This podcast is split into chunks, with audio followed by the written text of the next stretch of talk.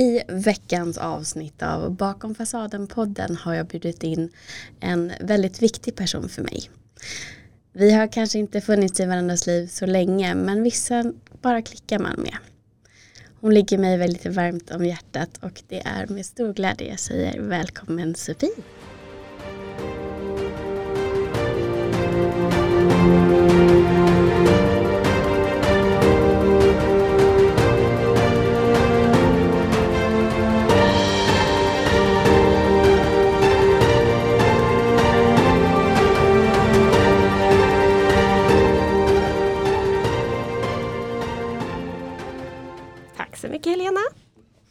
Hur känns det att vara här?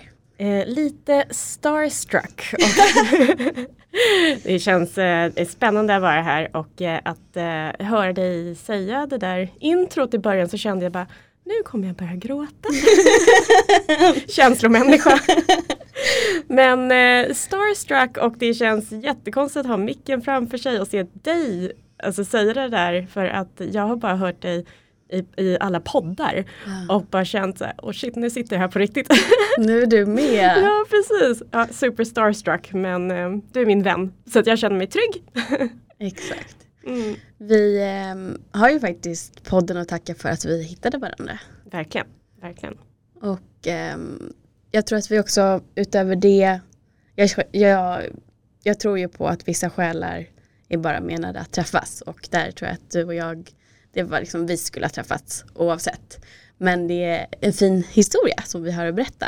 Mm, verkligen och ehm, jag har ju lyssnat på dig ett tag och inte alla eh, men det var just den eh, avsnittet, det avsnittet som du var ja, kvinnan bakom fasaden. Det var då jag hörde av mig och skulle lämna ett röstmeddelande minns jag på WhatsApp eller på, på Instagram och eh, började gråta. Så det, var, det var verkligen meningen att vi, vi skulle träffas. Så, alignment, eh, synchronicity. Ja, Mm. är jättefint och jag har också lärt mig väldigt mycket av dig. Eh, inte minst om hur beroendesjukdomen fungerar. Vi har haft flera avsnitt nu om beroendesjukdom, eh, missbruk och också många manliga eh, poddgäster. Så att det känns extra kul också att eh, du kan representera lite mer den kvinnliga delen och vi har pratat mycket om mansnormer men det finns ju såklart även kvinnonormer eller vad man ska kalla det. Och eh, där har vi både lite gemensam historia men framförallt så eh, har du en väldigt viktig historia så att, eh, jag kommer säga att ordet är fritt. Tack så mycket. Ja, eh, jag heter Sofie och jag är 39 år. Eh, jag har eh, thailändska föräldrar, född i Sverige och eh, jag har gått eh, engelsktalande skola hela livet. Så att eh, det kanske kommer några lite svengelska så, nu, så att ni vet om det. Ehm, jag ehm, eh, lever med eh, ADHD och eh, beroendesjukdom. Just beroendesjukdomen har jag vetat om i två år. Så att jag har eh, tillfrisknat och är clean. Um, dricker inte, är drogfri i uh, två år och eh, den 9 maj idag så är det två år och två dagar. Så det är jag väldigt, väldigt stolt över. Uh, och min ADHD är um, det är under utredning så att jag kommer få träffa min eh, läkare för medicinering väldigt snart. Och jag är väldigt tacksam över att eh, jag, har, eh, jag är så pass nära nu. Eh, och jag har fått eh, en förståelse för mig själv.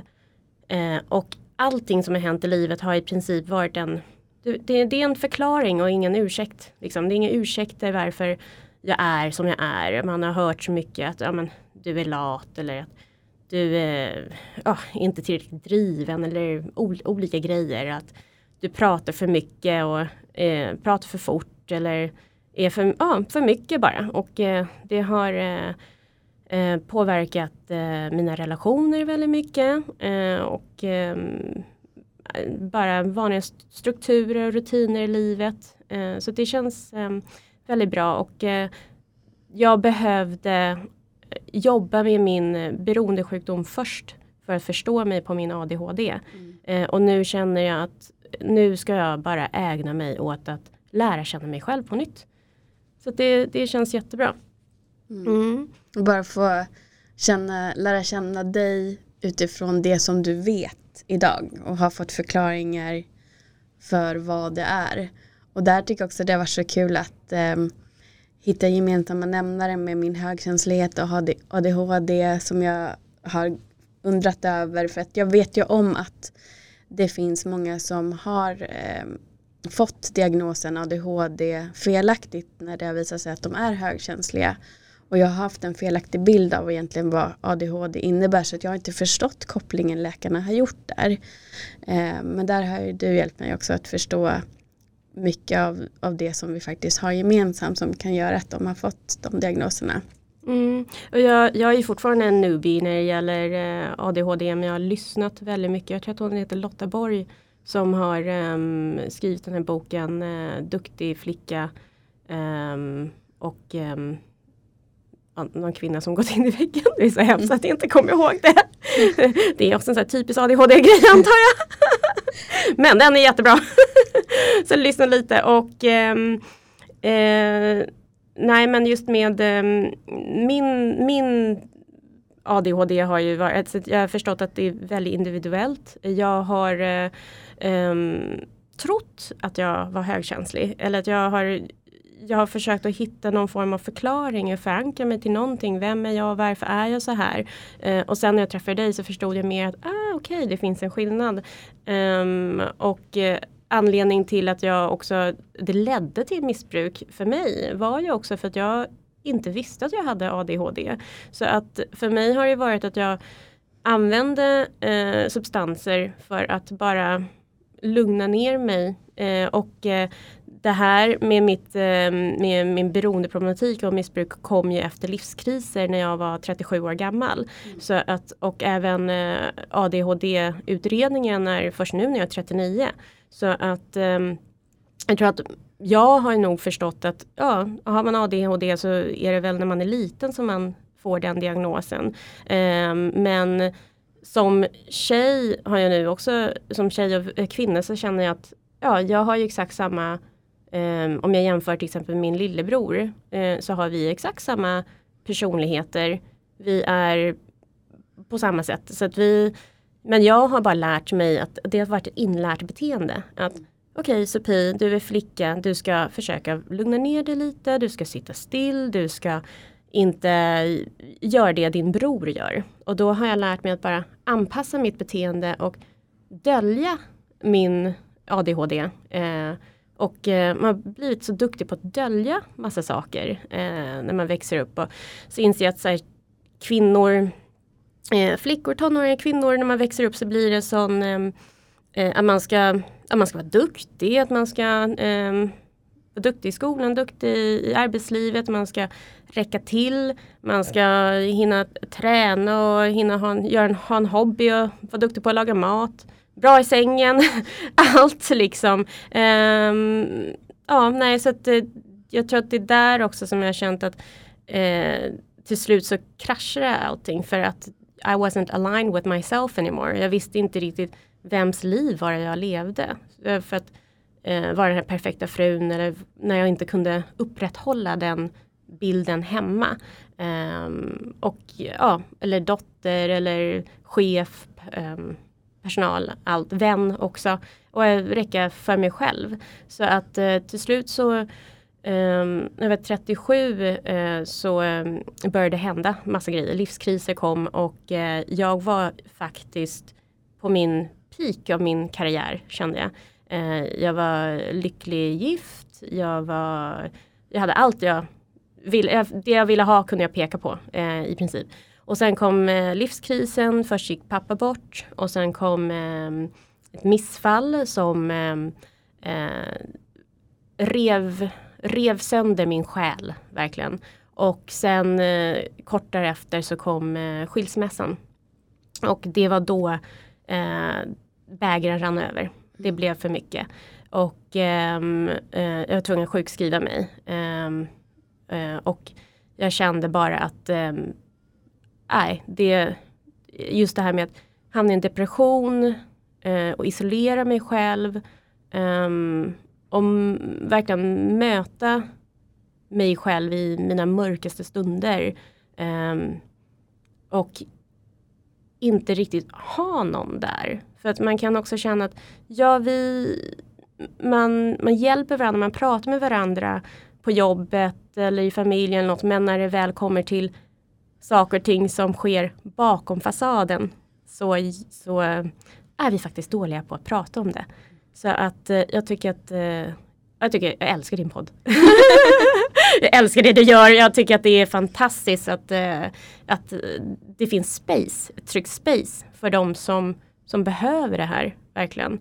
Och att um, alltså fan, skuld och skam, släng det i väggen. Alltså det, det är ingenting att ha det. Och så varför ska man känna så mycket skuld och skam för att man har gått in i väggen eller för att man känner sig misslyckad eller whatever. It's, it's a part of life. Liksom. Och um, jag har lärt mig nu att vara med likasinnade människor, vara med din tribe, försöka och uh, be om hjälp, lyssna på poddar så kanske du träffar din liksom, soulmate friend liksom. Um, um, reach out, för det är, det är väldigt, väldigt svårt att um, försöka reacha, reacha ut uh, och connecta med människor när man är så ensam och när man är, känner sig som en sån här misfit och annorlunda och allt. Men um, uh, för de som kanske inte ens, jag tror att det, man behöver liksom, man behöver humanize um, leadership, humanize, allt möjligt. Alltså vi, det är en snabb värld vi, vi lever i och um, man behöver vara lite mer in touch med sig själv och även fråga sin, sina kollegor eller sin, sina familjemedlemmar. Ibland kan det vara att jag är en sån som alltid har en happy face på och då är det ju svårt att veta hur, hur mår den här personen? Egentligen allting verkar vara jättebra. Men um, man är duktig på att hålla upp den här masken och ha den här fasaden. Mm. Um, och uh, då tror jag att det blir lätt att tänka att ja, men, hon har ett helt perfekt liv. Man behöver inte fråga någonting där. Men det är väl lite, känner jag, varför jag tycker att det är så viktigt också att ifrågasätta de här normerna som har skapats i samhället. För att de är så skadliga för oss. Och det är väldigt få som passar in i den om ens någon. Vi uppmuntras inte till att utforska vår egen individualitet. Eh, vem är vi? Vad, som du säger, var, var någonstans vill jag vara så att allting align. Um, och jag känner så här, sen jag har börjat ifrågasätta vad som är jag och vad är vad jag tror att jag ska vara. Det vill säga när jag ska försöka passa in i en norm där jag inte passar in. Då skaver det ju så himla mycket och då omger man sig med fel personer som bara skapar ännu mer misalignment inuti. När du hittar vem du är när du faktiskt lirar. Jag hittar inget bra ord för align på svenska mer än lirar. Men att det är liksom, för att jag har börjat säga så här om du är osäker på vad du vill eller vilka dina behov är, för det får vi inte heller alltså, liksom lyssna på. Så känn efter, för kroppen kommer svara dig om du bara lyssnar. Känner du att du har någonting du undrar om det här är rätt eller fel, den här vägen du vill gå eller den här personen du vill vara vän med eller vara tillsammans med. Lyssnar du och både alltså, själen, hjärtat, hjärnan är överens, go for it. Mm. Skit i normen. Mm. Om det här är någonting som du är menad att göra, då kommer du känna det och då är det rätt för dig och du behövs mm. så som du är. Och alla vill inte samma sak. Vi är inte skapta för att göra samma sak. Så jag önskar att vi kan med den här podden också bidra till att kasta de här normerna åt helvete rent ut sagt. Mm. Och där tycker jag också att det är så fint att, att ha fått träffa dig och ha dig i mitt liv för att vi lär oss av varandra, vi dömer inte, vi är nyfikna och öppna och bara trygga med att vara så här sårbara och um, öppna om vilka vi verkligen är. Mm. Oh, Gud, kloka ord, jag sitter bara och ler när jag lyssnar och tittar på dig. Kanske ska i framtiden ha en kamera här inne. ja nej men det, det är så sant och just det där med kroppen som du säger. För jag eh, har alltid trott att, eh, ja men typiskt den här duktiga flickan och eh, min mamma växte upp med en ensamstående mamma och hon, hon klarade fan allt. Och ehm, jag har ju inte lyssnat på min kropp och just det här med med, med den här thailändska kulturen, asiatiska kulturen. Vi ska vara fan så jävla duktiga hela tiden. Ibland känns det som att gud vad vi ska överleva så himla mycket. När är det vi ska leva egentligen? Uh, it's like a, it's a hustle culture eh, konstant. Och toxic productivity. Ibland blir det så här, ja men jag är så jävla produktiv men vad är det jag är produktiv? Om man, säger, man äter inte, man går inte ens och tar en typ, kisspaus eller dricker vatten eller något. Liksom. Så att um, man är inte så himla snäll mot sig själv. Uh, och just det här med kroppen. Jag, uh, innan jag kraschade så uh, märkte jag att jag trodde att jag hade någon influensa. varje gång jag skulle ha liksom, möte med min chef eller typ några dagar innan så blev jag sjuk. Alltså, jag fattade inte varför men det, det, jag fick ingen feber, jag, jag, det var helt så här, something is wrong but I don't know what. Och när jag satt på bussen så kunde jag känna hjärtklappningar, jag svettades, det kändes som att jag var svimfärdig och allt. Och så tänkte jag att det här är, det är något crazy going on in my body. Så gick jag till läkaren och så, så eh, sa Sofie, du har haft panikångest. Liksom. Och jag har inte varit in tune med, min, med mig själv alls. Visste inte ens att det var det. Liksom. Så jag har bara känt att ja, stress är väl, alla har väl stress men när det börjar bli för mycket då är det ju inte bra längre. Och det var ju då första gången som jag kände att nej, nu, nu lyssnar jag verkligen på mig själv. Att jag måste ta en paus även om jag kände att um, att oh, gud, det är så mycket jobb kvar, det, jag presterar inte. Uh, och jag var verkligen bara, nu när jag tänker tillbaka, men kom igen Sofie. Alltså din pappa har gått bort, du har fått missfall, eh, du har gått igenom en skilsmässa det är massor med livskriser men det var bara, ja men upp på hästen igen då. Not, don't give up, just keep going. Um, nej, så jag har verkligen lärt mig min dyrbara läxa att lyssna in eh, och den viktigaste personen i mitt liv är jag. Och det är också så här, är det egoistiskt? Hell no.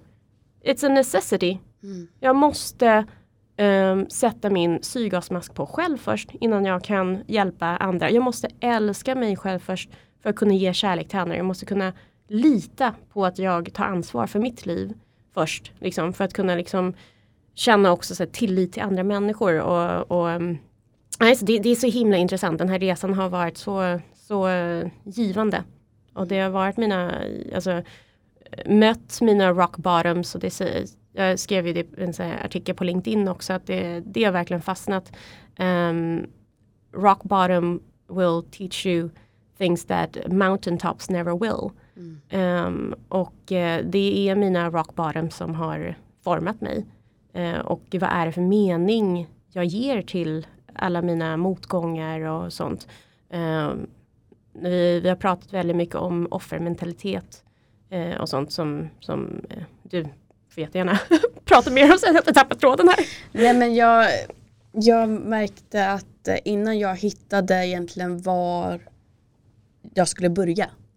Jag har ju vetat om eh, i många, många år att jag har trauman eh, i bagaget. Att jag inte vet hur man egentligen attraherar en sund relation utan har eh, bara upprepat det som har känts bekant och därmed tryggt. Um, och också det som jag pratat mycket om till exempel att man man tycker att man försöker och försöker fast i själva verket så försöker man undvika det så mycket som möjligt. Och där hamnade jag i en offermentalitet när jag tyckte att det var så synd om mig som aldrig fick bli lycklig. Mm. Eh, och jag skrattar lite därför att jag har en sån an annorlunda syn på saken nu. Eh, när jag tog ansvar för att lyckan ligger hos mig, svaren ligger hos mig och jag måste göra jobbet för att bli lycklig. Ingen annan kommer rädda mig och jag behöver inte bli räddad. Jag måste släppa tanken som jag har lärt mig i tv-serier och eh, böcker och tidningar under min uppväxt om att det ska bli kommande riddare på en vit häst och rädda mig. För att jag är inte trasig. Jag har varit med om jobbiga saker som jag behöver bearbeta och på så sätt bli quote unquote hel. Mm. Men det ligger fortfarande hos mig. Det finns jättemycket hjälp att få. Men jag måste fortfarande göra jobbet med hjälp av mm. andra. Och eh, det tog ju att jag behövde träffa en väldigt fin man för att ens känna att eh, nej jag vill inte hålla på så här längre, nu måste jag faktiskt ta tag i det här. Och enorm dos av ångest. För att jag började förstå vad saker och ting kom ifrån. Och där ta mig ur den här offermentaliteten och faktiskt känna att fan jag är stark, jag tar ansvar för mig själv. Och där tog jag ju hjälp av många, bland annat vår gemensamma vän Nathalie som också har varit med här i podden eh, som hjälpte mig att, få, att liksom hitta grunderna till okej okay, jag har en jättejobbig separation som nyfödd som faktiskt har satt sig i kroppen. Eh, blev överlämnad till en fostermamma, en till separation sen innan jag kom till min, ja, som jag ser det, riktiga mamma, min adoptivmamma. Och sådana saker, vi har sånt i bagaget. Så, så många av oss. Och livet är inte rättvist. Mm. Men du är ansvarig, återigen, för vad du gör med det kort du har blivit tilldelad. Mm. Och eh, vi är en stor community som kan ta varandras händer. Och du, man kan peppa varandra, man kan finnas där och lyssna. Men fastnar man i ett ältande utan att faktiskt kanske se att ja, du har föreställt dig att livet ska vara så här. Du har trossatser om hur du tror att du är.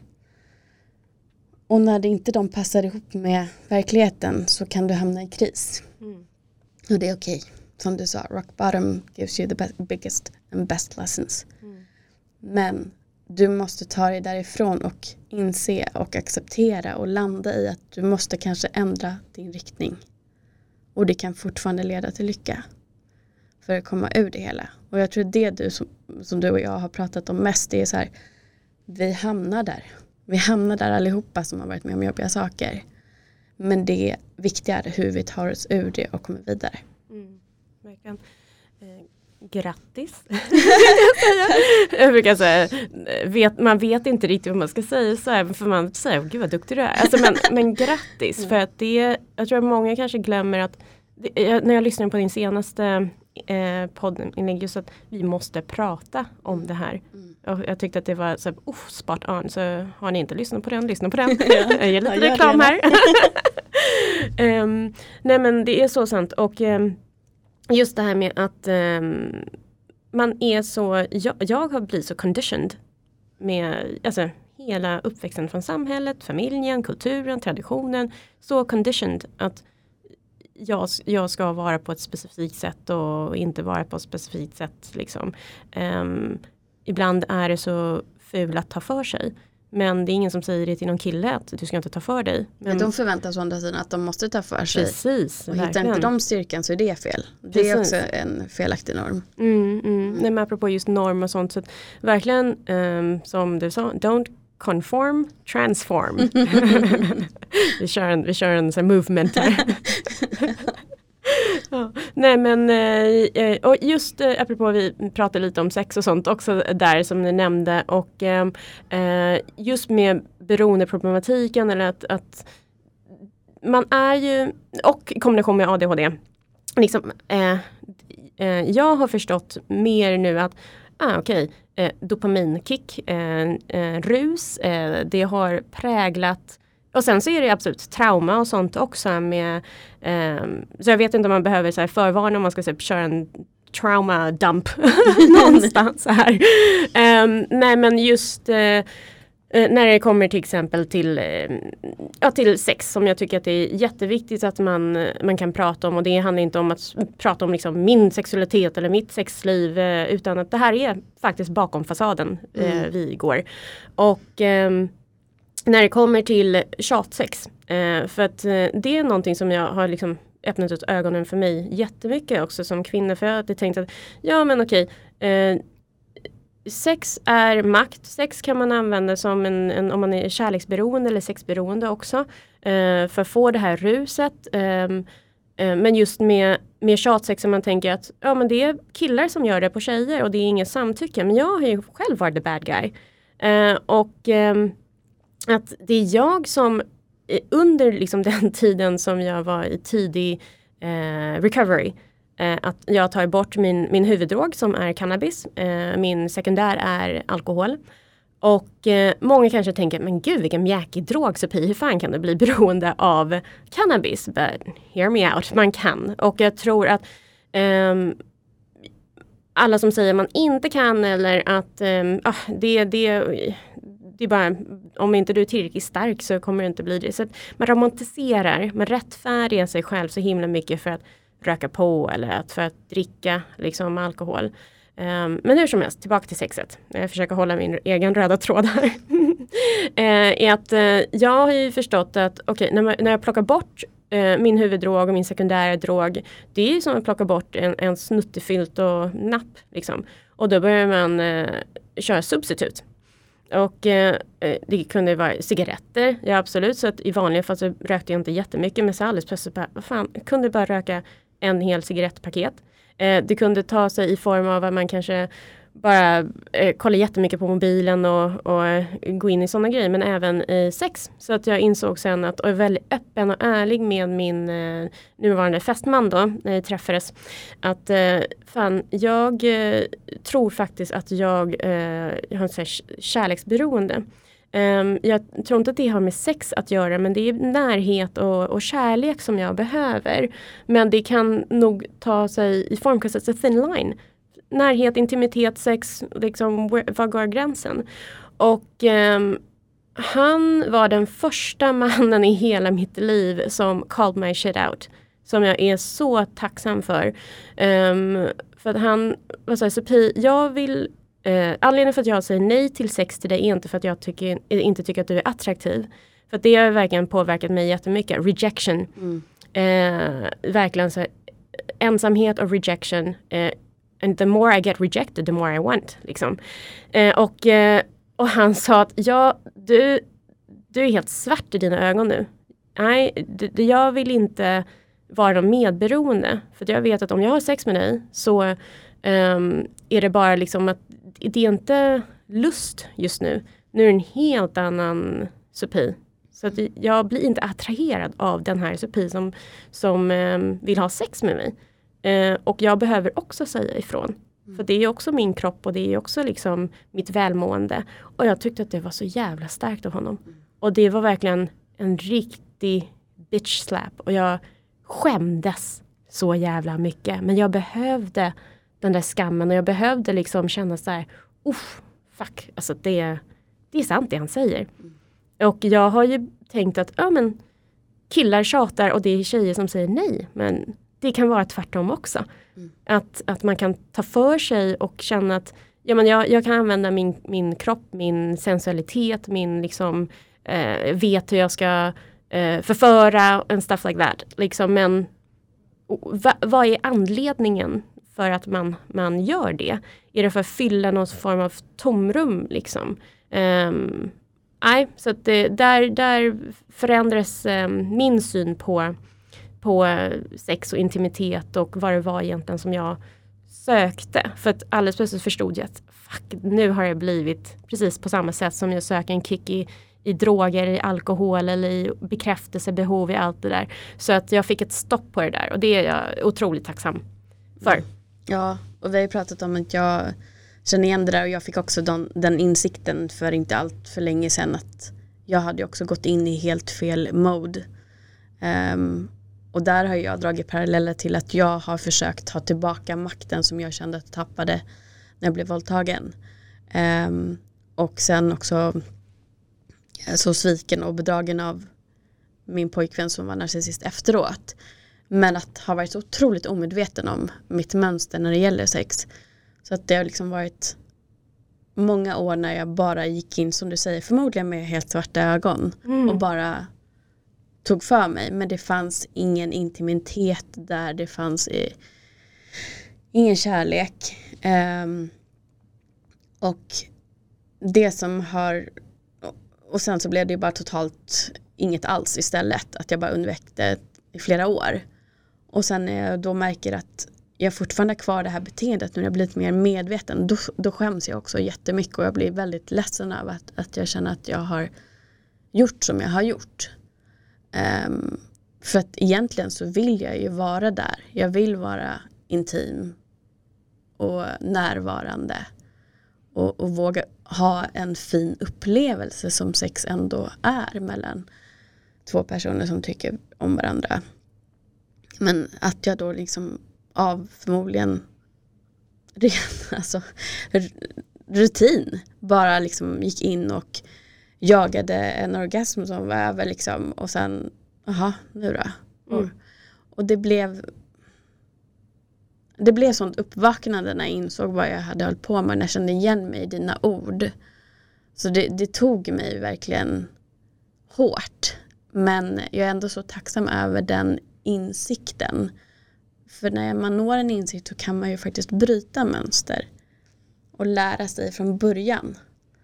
Och jag förstår mer vad jag behöver göra. Jag behöver kanske börja om från början och vara liksom den här tonårshångeln. vara där och bara hitta tillbaka till vad det egentligen är att vara där. Och det ska inte vara ett maktspel överhuvudtaget. Liksom. Jag kommer ifrån det. Så det tror jag är jätteviktigt att, du, att vi pratar om. Um, och jag tror inte att jag har pratat om det med någon annan vän tidigare heller. Så det, det var väl därför jag blev lite chockad när jag insåg det också för att det är ingenting man hör folk prata om. Om man hör man det då tänker man som du säger också att det är männen som tar makten men ofta också efter sexuellt trauma så blir en kvinna Eh, fast i ett destruktivt sätt att ha sex på. Man återtar makten på något sätt om man tycker att det här är någonting jag vill och jag tar makten över min sexualitet. Men är det verkligen det du vill? Mm, verkligen. Ja, det är så intressant. Jag sitter och försöker bara ta in allt det här. Alltså, jag tycker att det är ett så beautiful moment. Att vi, eh, alltså, två kvinnor som vi blottar oss själva och pratar om det här. Och eh, tror man behöver verkligen prata om det mer. Um, just det här med könsnormen och, och um, just ibland så kan det vara liksom det här, uh, vad heter den där Madonna-hora mm, komplexen. Ja. ja. precis. Att um, det är bara kanske inte någon förväntan eller man kanske själv förväntar sig det uh, på sig själv och tänker på hur de här inlärda beteendena så eh, på just porr till exempel, hur det har eh, färgat en.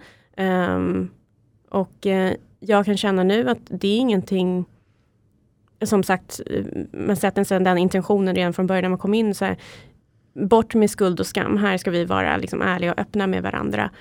Um, och uh, porr är ju också um, beroendeframkallande. Eh, det, och det blir bara värre och värre och värre. Man kollar på en grej och sen så kollar man på en, en eh, annan grej liksom som är, blir bara värre och värre och värre. Och just det här med makt och precis som du säger att man, man ehm, för mig har det nästan varit så här att Ja, nej men just det här med, med, med porr och sex och, och allt. Att, att även som kvinna, eh, att det, det, kan ju bli att man när man väl hamnar i den här impulsiviteten, när man väl eh, just porr och Tinder till exempel, alltså att det kan gå väldigt, väldigt fort. Det blir en, en, en, en kärleksrus, en kick som mm. eh, eh, snabb belöning för hjärnan. Eh, och eh, att man använder det för att ja, tom, eh, fylla ett tomrum, eh, fylla en saknad för man inte vill vara ensam och där kommer de här eh, också destruktiva självskadebeteenden. Att man kanske träffar någon som man inte egentligen vill ha eller gillar utan att man tänker att han vill ha mig, it's good enough. Mm. Varför värdesätter vi oss själva så lite för mm. egentligen? Um, eller att man kan vara oh, strunt i protection. Um, um, eller att uh, även det här med att ja, men, I'm a free bitch, liksom, jag kan väl ligga med vem som helst när som helst. Absolut, you go girl. Men för rätt anledning. anledning. Precis. Um, för att det är också en sån här, jag har ju varit där eh, när jag har varit så här single and free and everything och tänkt att nu jävlar ska jag ta igen mina, jag har varit så himla snäll hela tonårslivet och varit liksom by the book och jag har gjort det här och gjort det där och allt och checkat av min lista. Um, och bara känt efter skilsmässan, bara, nej fuck this, nu ska jag göra det jag vill göra. Eh, och där insåg jag också att jag rättfärdigar mig själv. Att göra massor med saker som egentligen inte var bra för mig. Eh, men eh, jag blev en sån här rebellisk tonåring för att jag fick återuppleva hela livet igen. Ehm, och när det gäller ehm, beroenden beroende så kan det vara att alla är olika. Det är väldigt individuellt. Vissa kan dricka eh, hur mycket som helst utan att det visar sig någonting eller eh, ta ja, droger och sånt. För mig var det åtta månader och så kände jag att nu är det, nu är det över. Nu har jag liksom missbrukat allt som jag har kunnat missbruka i princip. Um, och kände att nu behöver det ta stopp.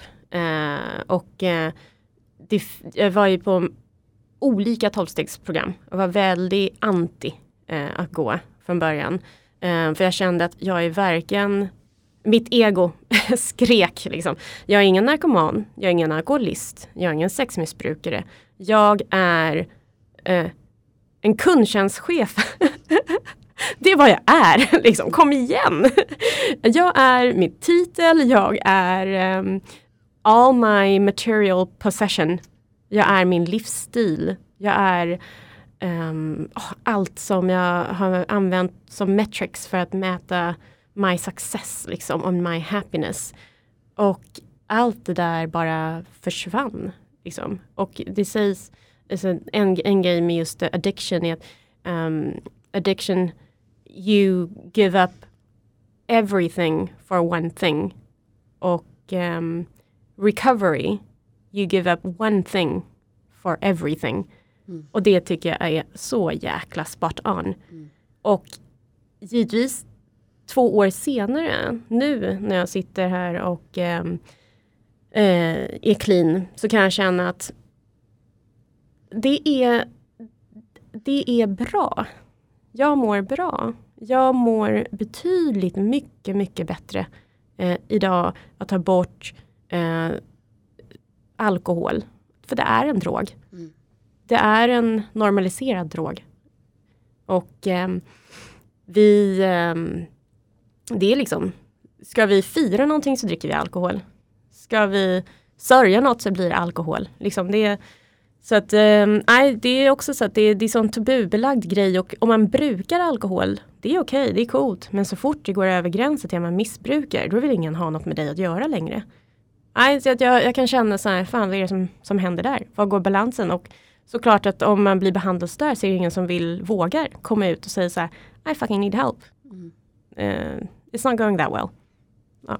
Vad var egentligen reaktionen från din omgivning? Um, oh, bra fråga. Jag minns att jag um, uh, min femte dag när jag var i, i uh, 12 så kände jag bara att okej, okay, det här är min det här är min nya reality. Och eh, det var så här, 30 dagar, 30 nätter som jag skulle dela i princip. Eh, gå varje dag och sen dela. Och, eh, eh, men jobbar väldigt mycket med att vara ärlig. Och det var ju det som jag var känt att när någonsin har jag varit ärlig med mig själv, har jag varit ärlig med min omgivning. Och jag ska berätta för min mamma. Att ja mamma, jag är en eh, beroende och det här är min dag fem som jag har varit clean. Och på thailändska, att eh, säga addict, alltså det finns sån stigma i ordet på thailändska. Alltså det är verkligen så här, you're an addict, alltså ett bad. Um, men även på svenska och engelska, vilket språk som helst. Alltså det finns en stigma och stigma kills, verkligen. Mm. Um, och jag minns att min mamma sa, hon var i chocktillstånd. Men um, she did not see it coming. Och för henne var det bara så här, vadå dag fem? Det ska inte ens vara dag ett. Och det var ju lite så här, okej. Okay. Um, she wasn't ready. Mm. Och det jag har lärt mig också genom att igår det här programmet i början. Um, det är en, en, jag har precis lärt känna en, en, ny del av mig själv. Att jag öppnar upp mig. Och då är det väldigt lätt to overshare. Och det är en kombination av ADHD också. Uh, och um, vissa är inte redo för att få höra Eh, och kan känna att oh, nu berättar du lite för mycket här. Eh, jag har inte bett om det, jag har inte frågat om det. Eller jag har bara frågat hur mår du? Och jag vill bara höra bra. inte your whole liksom, trauma dump. Um, men eh, är det egentligen trauma dump? Alltså, eller är det bara som jag berättar hur det är i mitt liv just nu? Mm. Ja, och det ska väl vara helt okej okay, kan jag känna. Mm. Ja. Jag tror att det där um, också är väldigt, eller jag vet att det är väldigt vanligt också hos uh, de som har en otrygg ambivalent anknytning. Uh, de har sån längtan efter att connecta med andra människor så att de overshare, att de delar för mycket av sig själva. Mm. Och får ju då inte alltid samma tillbaka eller blir ens mött i det. Och då blir det ju tvärtom någonting som skadar för då känner man sig avvisad eller att man inte duger eh, istället. Och det jag har lärt mig senaste åren då nu när jag har lärt mig så mycket om allt sånt här har ju varit att hushålla med det som är dig allra närmast, dina mest privata tankar på så sätt att du väljer noga vilka du delar det med. Du hittar din tribe som vi har pratat mycket om. Dina eh, själsmänniskor. Där du kan känna dig trygg med att dela ditt innersta. Och de har samma behov av att dela sitt. Men sen så stannar det där. Och du väljer att kanske dela en mindre del med de som du vet med dig inte kan, inte har kapacitet att ta emot dig och möta dig i det. Så kan du fortfarande få ditt behov mättat av att dela dig. Men du ger inte mer än någon kan ta emot eller egentligen förtjänar om man vill vara så hård. Mm. Och då blir du inte heller avvisad. Mm. Så du, du får fortfarande liksom dina behov mötta men av rätt människor. Och sen jag har börjat göra det, det har väl flera orsaker i och för sig, kanske att jag blivit tryggare generellt, så känner jag inte heller samma behov av att prata. Eller liksom, förut var det också att jag använde ju alkohol på ett sätt som inte tjänade mig. Oavsett om, om man är en beroendepersonlighet som fastnar i missbruk eller inte så kan man ju använda alkoholen på fel sätt. Mm. Och jag tror det är väldigt vanligt bland oss som har ett stort inre liv och har behov av att prata och så känner vi att vi har ingen som riktigt lyssnar, kanske inte har upplevt att vi har blivit sedda och hörda och har ett stora behov av det. Att man använder kanske då alkoholen till att våga mm. prata. Eh, och så blir det sådär overshare och man pratar kanske med fel personer. Man kanske börjar gråta på fyllan och berättar för mycket och så blir man i andras ögon kanske en börda. Och så skäms man och har ångest dagen efter. Så blir det en dålig en vicious cycle, en ond cirkel. Av det hela. Jag tror att det är jätte, jättevanligt. Um, så, var det verkligen mina, alltså 20-årsåldern för mig. Väldigt, väldigt mycket. Det var ju då mycket hände också men det var så jag gjorde. Och jag vet att det var en, en eh, kompis till mig på Hawaii just som sa så här Helena du kan inte förvänta att alla ska ta hand om dig hela tiden. Just för att det hade varit en sån kväll. Jag hade druckit för mycket, börjat gråta, börjat prata för, för mycket, för egentligen för mig själv också. Så att jag tror att det är jätteviktigt att oavsett liksom vad du har för bakgrund, oavsett om du är eh, beroendesjuk eller har varit med om jobbiga saker eller så här att var snäll mot dig själv och, och lyssna på kroppen och, och ditt sinne. Och behöver du prata så finns det rätt personer som du är trygg med. Men låt det stanna där för din egen skull också. Och jag tänker också det du säger. Um, många som jag har pratat med på sistone som är beroendesjuka har ju också visat sig ha ADHD. Mm. Och um, till exempel Micke som har medfött lägre nivåer av dopamin. Att det blir också det här som du pratar om att söka kickar. Mm. Um, där märker jag skillnaden mellan oss. Jag har aldrig sökt kickarna. Men vi kanske har tagit till samma metoder på samma sätt att liksom fly eller eh, eh, försöka fylla ett tomrum. Istället för att lyssna inåt så söker man ut de bordet och i andra människor efter att de ska fylla och upp eh, ja, saker du gör, upplevelser, allt annat ska fylla det här tomrummet men du litar inte på att du själv kan göra det så du vänder dig aldrig inåt. Mm. Och det är väl ändå lite gemensamt tänker jag, så här, fast eh, ni som har beroende personligheten vad jag förstår söker liksom hela tiden 110, 120, 200 procent av allting. Att liksom gå hela vägen medan jag kanske stannar där. Att jag gör någonting annat självdestruktivt men det blir liksom inte fullt ut på samma sätt. Mm, mm. Alltså, är så mycket igenkänning. Eh, och eh, jag kommer på massa saker som så bara, men ehm, just eh, jag tänkte på två saker. Jag har en betydligt mycket bättre relation med min mamma idag. Tack vare min recovery. Tack vare för att jag mötte mig själv. Och jag har en bättre relation till mig själv på grund av min ADHD också. För att nu har jag förstått. Det har varit en sån lättnad. Men just det här med att apropå just att vara, eh, ha det i vuxen ålder oavsett om det är högkänslig eller om det är ADHD eller beroendeproblematik. Eh, att vi är inte mindre kompetenta eller mindre smarta mm, än andra människor.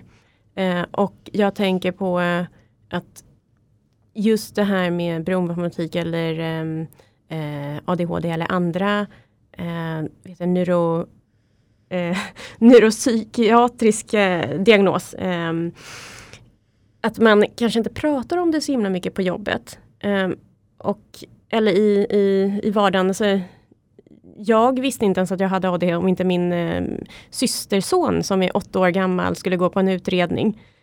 Eh, och jag har liksom alltid tänkt att det kanske finns någonting. Det kanske är någonting. Men som jag har berättat för dig att jag vill hellre sätta en stämpel på mig att jag är högkänslig. Um, för att det känns mindre läskigt på något sätt. Mm. Än att ha en ADHD, alltså diagnos. Mm. Det är så här, it's a disorder. Vad, vad, betyder det? Vem är jag då with this disorder? Um, men det är också en sån här en rädsla som när jag väl har mött den och träffar min tribe, apropå det, kvalitet över kvantitet. Jag behöver inte overshare anymore because I know myself. Mm. I know who I am now. Och de personer jag vänder mig till, som du eller som eh, min fästman eller liksom de som jag har nära mig. Alltså det räcker. Det behöver inte vara så många fler. Och eh, att sitta här och prata Eh, apropå just när det är så att vi måste prata, det är inte lätt för oss. Det här är inte så att Oh, gud vad kul! det är kul. men, men just att um, man blottar sig själv och man tänker, vem är det som hör det här? Givetvis så går det i huvudet så här, och kommer jag bli dömd? Um, men dömer jag mig själv? Nej, jag gör inte det längre. Mm. Och det är en frihet. Alltså jag känner mig fri från min egen judgment. Och um, oh, this is a part of me. It doesn't define me. My mistake does not define me. It's a part of me. Mm. Och um, tänker på att misstag i livet eller är det lärdomar egentligen? Mm. Ord som man använder um, för att säga till sig själv, bara en sån här grej att I'm, I, could say I'm nervous because I'm here while I'm here. Men det är exakt samma reaktion i kroppen om jag ska säga I'm excited that I'm here. Bara att jag har lärt mig nu att okej, okay, jag behöver den strategin för att lära mig själv um, att tänka om, tänka rätt, säga positiva saker till mig själv. Att inte säga att jag är dum för att jag inte förstår det här. Men jag förstår inte det här så det finns utrymme för mig att lära mig nya saker. Så att eh, vrider och vänder på saker och ting. Um, och inte trycka ner sig själv. Varför ska man göra det? Det räcker med att alla andra gör det redan egentligen. Så försök att lyfta upp sig själv på bästa sätt och umgås med de som verkligen lyfter upp dig. Ja, och sen så tänker jag också så här att um, jag, jag märker att sociala medier gör att vi tror också att ingen annan kämpar med någonting. För att så många lägger bara ut det som är bra. Samtidigt som jag vet med mig att många av dem som lägger ut liksom den perfekta fasaden mår inte alls bra. Och många av dem vänder sig till mig och det är självklart inte någonting jag kommer prata om just nu vad det är. Utan bara generellt. Mm. Um, tro inte på fasader. och försök kanske tänka en extra gång till när ni försöker lägga ut den typen av inlägg i sociala medier.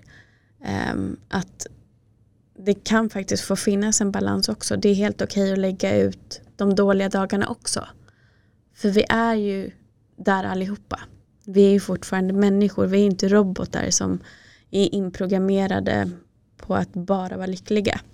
Vi är programmerade att vi ska uppvisa det. Mm. Men det är allt liksom och det kan vi programmera om. Och jag tror att vi måste också prata mycket om det. För mm. att det är så farligt och det är många som hamnar i faktiskt depression. Eh, på grund av att de tror att ja, men alla andra alla andra är lyckliga, alla andra har det jag vill ha. Och fastnar igen i den här offermentaliteten och har jättesvårt att ta sig ur det. Och också det här med som du säger att um, det du och jag sitter och pratar om idag, det är inte lätt.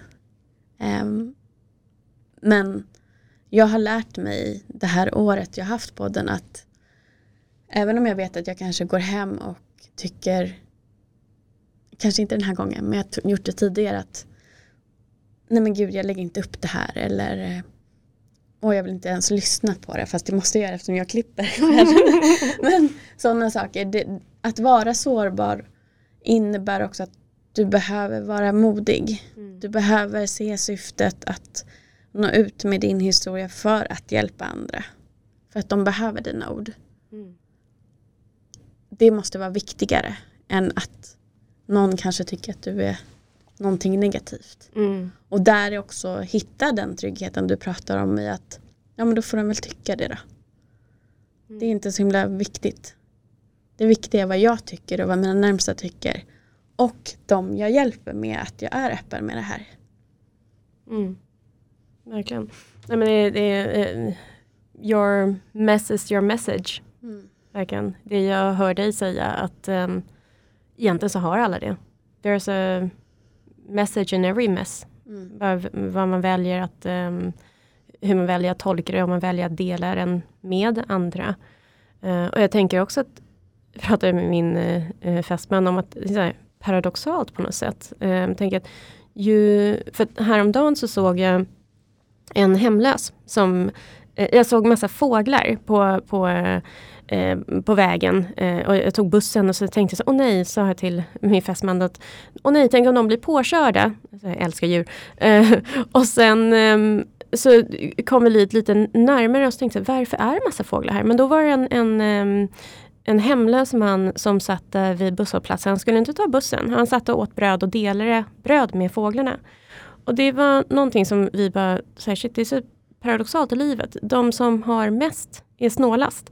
Och det gäller inte bara materialistiska pengar och sånt. Men the ones who hit rock bottom är de som gärna vill öppna upp och delar och är så här, take it. This is my vulnerability. Go for it. Dig in. Um, och um, om man vill inte ha någonting tillbaka. Uh, och jag känner också att hade jag för två år sedan um, så jag hade alltså, tänkt liksom, vad är det för person eh, eller förebild jag skulle vilja behöva i mitt liv. Då är det faktiskt sådana som du och jag. Alltså att vi, eller, och, och alla som har varit med i din podd, bakom fasaden, avdramatisera allt det här. Eh, riv ner fasaden för fan. Vad är det för jävla liv vi lever i? alltså egentligen. Um, och precis som du säger, alltså det, det är en it's a challenge, det är en utmaning också. Alltså uppmaning, utmaning. Tänk på vad man lägger ut. För att det finns ju de som absolut kanske har hit, hit rock bottom och förstår och ser bakom fasaden. Men behöver man vänta tills man kommer dit. Jag tycker att vi behöver fler um, kvinnliga, manliga förebilder som är så här, you know what, this is what life is about. Egentligen. Um, uh, och ja, det är inte vackert, but it's raw, it's honest, it's authentic. Mm. Och det är det vi behöver mer av. Jag känner, humanize people again. Liksom, human being. Liksom. Mm. Ja, absolut. Och där är jag så otroligt tacksam för alla som väljer att, att vara med och vara personliga och dela. Alltså, alla människor. Oavsett kön. Det, det spelar inte så stor roll. Eh, för att vi har samma budskap allihopa. Och eh, det blir säkert, jag vet att jag upprepar mig mycket men jag får fortfarande meddelanden med folk som inte uppfattat det. Så jag behöver upprepa mig, Det känner jag. Ehm, och jag får mycket meddelanden av ehm, både män och kvinnor, framförallt kvinnor men både och. Som faktiskt har gjort förändringar i sina liv för att de har hört någon gäst eller mig säga någonting som just de behövde höra just där och då. Och det driver ju det här hela framåt och det gör ju det värt att säga saker som är väldigt personliga som jag i ett annat sammanhang kanske inte skulle välja att dela med mig av. För att jag har fått kvitto på att det faktiskt gör skillnad. Och det är mitt syfte i livet upplever jag. Jag upplever att det här låter kanske jättekonstigt för de som inte tror på samma sätt som, som vi är. Men jag upplever att det är liksom syftet med att jag är här på jorden. Det är syftet med att jag har gått igenom svåra saker. För att jag ska kunna sitta här och berätta om det. Så att andra kan känna att de är inte ensamma. De kan också komma dit. De kan också ta ansvar för att låta det vara en del av dem men inte definiera dem. Och eh, jag vet att jag läste en, en bok av Terry Hatcher som var med i Desperate Housewives mm. för många år sedan. Där hon berättade om att hon hade varit med om en våldtäkt. Mm. Och just det där var någonting som fastnade. Liksom att It's always gonna be a part of you. It's always gonna be your history. But don't let it define you. Mm. Det är inte den du är. Precis som med din otrygga anknytning. Det är inte den du är. Mm. Du har blivit formad så. Du har skyddat dig från det som gör ont. Det som faktiskt potentiellt kan ta livet av dig när du är liten. Att bli övergiven innebär livsfara för ett litet barn. Mm. Det är inte konstigt att du sätter upp de här murarna eller skyddsstrategierna. Du behövde det då, mm. men du behöver inte det nu. Så nu är det dags att vi släpper det. Och det kan man inte göra själv. För jag vet att många också säger Men vad har du för tips? Vad, ska, vad kan jag göra? Och jag, eller jag har till och med en video för att det var så många som ställde samma fråga. Alltså jag kommer inte liksom grotta i mig vad exakt du som individ har gått igenom, vad du väljer att berätta. Jag är väldigt tacksam för tilliten, absolut. Jag kommer ändå ge samma svar till alla. För jag tror inte på att vi är skapta för att klara det här själva. Vi är flockdjur, vi ska hjälpa varandra. Och när man har en sån typ av otrygghet inombords oavsett vad det är som har skapat den så behöver du få knyta an, du behöver få lära om hur du knyter an. Mm. Hur ska du kunna göra det om du är ensam? Du måste ju knyta an till andra människor och lära dig att de är trygga att knyta an till. Och att du är trygg med dig själv och du knyter an till ditt inre barn. Mm. Och den vuxna du tar varandra i handen. Mm. mm. Kloka ord. jag bara sitter här och bara yes, yes, queen. Keep going! min, min kära fangirl. man sitter här och bara starstruck. Hade man en kamera här så bara okej. Okay. Ni förstår ju hur fint det är att ha vänner som verkligen tror på en så här. Det, det undrar er alla. Men om vi ska gå tillbaka till dig.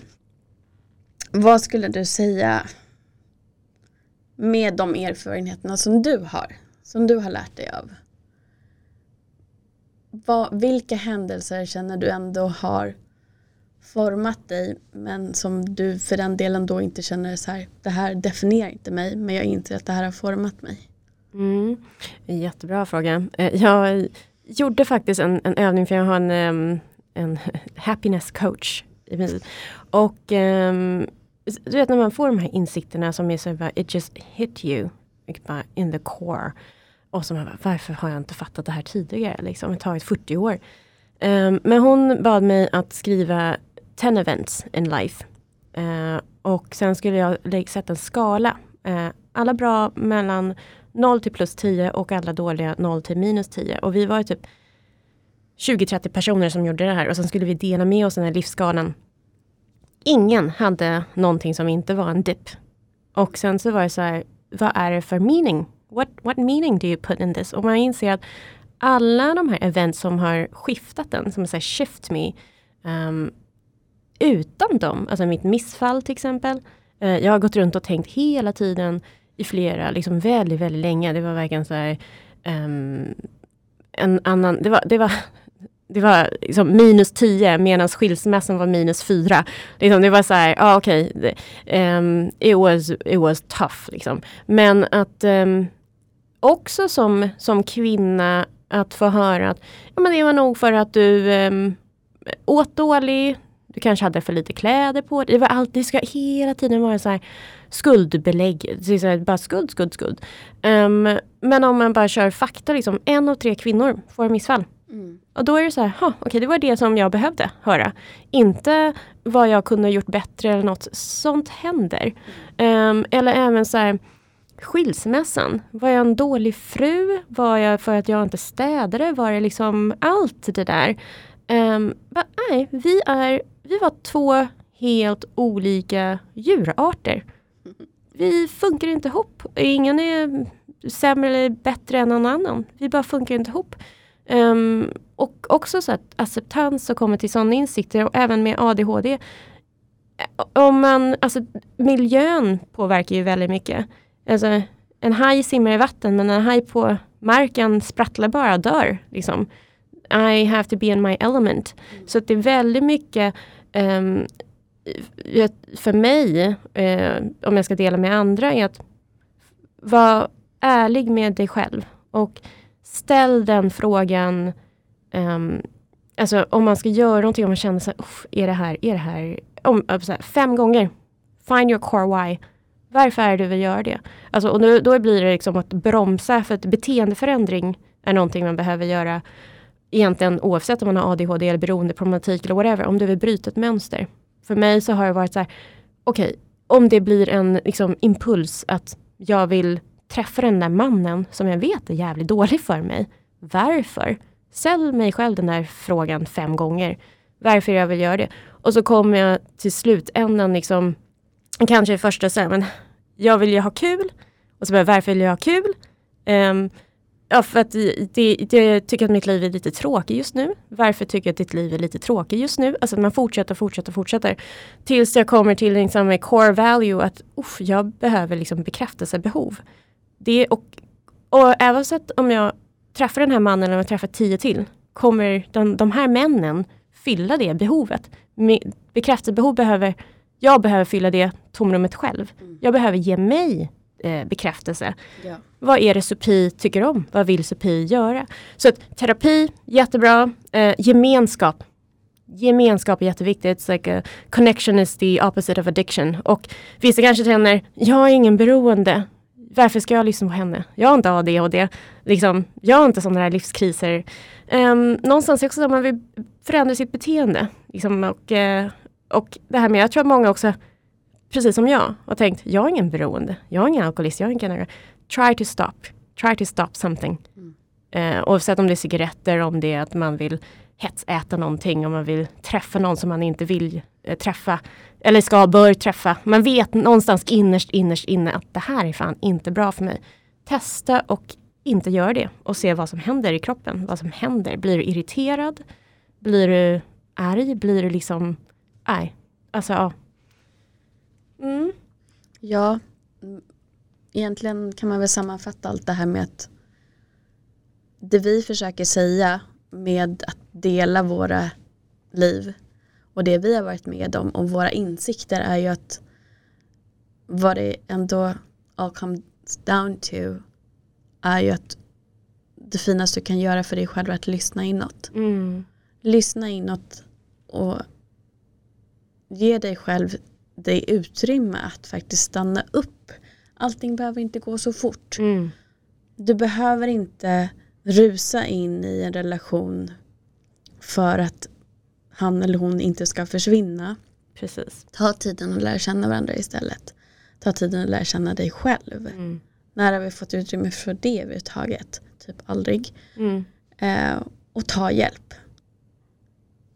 Terapi, coach, det spelar egentligen ingen roll, psykolog. Men hitta det som är rätt för dig Mm. och våga prata och hitta gemenskap precis som Sofie säger. Det behöver inte vara, det finns jätteolika, eh, jättebra olika eh, falanger inom 12 steg. Det är inte bara för eh, A, alkoholister, C för kokainmissbrukare utan det finns för jättemycket olika men jag tror också, och någonting som jag hoppas ändå kunna skapa i framtiden det är också fler gemenskaper för andra människor där de kan få prata med likasinnade. Eh, så att man får hitta ett tryggt rum, ett ställe där det du berättar, precis som i, vid tolvstegsmöten, att du kan dela det du behöver prata om. Eh, och det stannar där. Mm. För jag tror att det är så viktigt. Och det finns ju sådana typer av terapigrupper också. Jag är inte riktigt påläst så jag kan tipsa om exakta men det finns och vi har Google Mm, just nu. precis. Eh, och fortsätt också såklart höra av dig till mig ehm, med specifika frågor. Vad det gäller till exempel anknytning så kan man ju också läsa på jättemycket själv och du, har du misstanke om att du kanske känner att du inte riktigt passar in och du tycker kanske själv att du upplever att folk tycker att du är för mycket. Det kan ju vara så att du är högkänslig eller har ADHD för där är också en Mm. gemensam att du upplever att folk tycker att åh, lite för mycket. Men vi är bara vi och Mm. med rätt människor så är man precis lagom. Verkligen. Jag tänker också på flyktbeteende, vara medveten om sina egna flyktbeteenden. För nu när du pratar så tänkte jag på att jag har gått i terapi i fem år. Eh, och det har varit jättebra men det har inte, ingenting har förändrats förrän jag bestämde mig för att ta bort mina flykt, mina droger. För jag kunde gå på terapi, jag gick igenom allting, jag skulle göra min läxa. Jag går hem, vad gör jag? Jag tar ett bloss av cannabis eller så dricker jag alkohol. Och så är jag tillbaka igen. Mm. Och, eh, men när jag väl tog bort mina substanser, det var då jag fick möta mig själv på riktigt. Det var då saker och ting hände på riktigt. Um, så att um, våga möta rädslan. Våga möta och uh, för er som är kanske i, i början av ert um, tillfrisknande. Nu blir jag så här blödig. Eh, fan, kämpa på. Eh, det är inte lätt men det kommer vara värt det. Och jag minns, eh, alltså jag skriver, skriver det här i min LinkedIn-artikel, eh, att om det finns ett helvete så var mitt helvete dag tre, withdrawal. Det var bland det vidrigaste jag har varit med om. Eh, att känna liksom i kroppen att jag behövde de här substanserna. Att jag, att, att jag var inte jag längre. Och the addict in me was trying to kill me. So I have to kill her before she killed me. Um, och nej, det, det, fan, addiction är, är inte bra. och så, det är också, men man behöver gå igenom den här resan själv. Och eh, du är älskad. Du är inte ensam. Och jag tror att det är det, när, man, när jag mötte min absolut värsta så började min addict brain säga massa hemska saker till mig. Att jag inte var älskvärd, ingen skulle sakna mig ifall jag dog. Jag kan lika gärna dö. Vad fan liksom. Vad, vad hände där? Det har jag aldrig sagt till mig själv. Och, eh, men det blev bara värre och värre och värre. Och jag tror att jag har ju själv varit där. I've been judging people for weak, being weak. It's not weakness, liksom att vara vulnerable. It's a strength, verkligen. Och jag har behövt svälja liksom väldigt mycket själv. I've judged, eh, alltså bara, ja, men, folk som är hemlösa för att de eh, eh, är beroende eller att de inte vill eller liksom de är ADHD är lata eller något. I've been there. I've been judging myself. Liksom. Och, och jag har lärt mig så otroligt mycket. Att don't judge, you don't know what people are going through. Liksom, be kind. försök att ha en open mindset och en, istället för en fixed mindset. Att man, man, man är ju så himla conditioned om man tror att ja, men de, de är säkert så här. Så don't assume, ask. Mm. Mm. Jättefint. Jag vill också säga att de som säger att du måste vara hel innan du går in i en relation. Det finns en bra tanke därigenom. Men jag skulle vilja skifta lite på det. Jag tror att man måste ha lärt sig att älska sig själv för att tro på att någon annan älskar dig. Men jag tror inte att man måste vara hel och älska sig själv fullt ut för att älska någon annan. Och det är där skillnaden ligger. Men det kommer alltid gynna dig oavsett. För du kommer inte ha de här tviveln om du älskar dig själv på att någon annan kan älska och se dig för precis den du är och älska dig för det. Så det viktigaste är liksom att du gör det av det skälet. Tack så jättemycket Sofie för att du har varit här idag och eh, delat med dig. Tack Helena. Och tack för att du är så peppig och stöttar och låter mig vara precis så trygg och öppen som jag har varit här idag.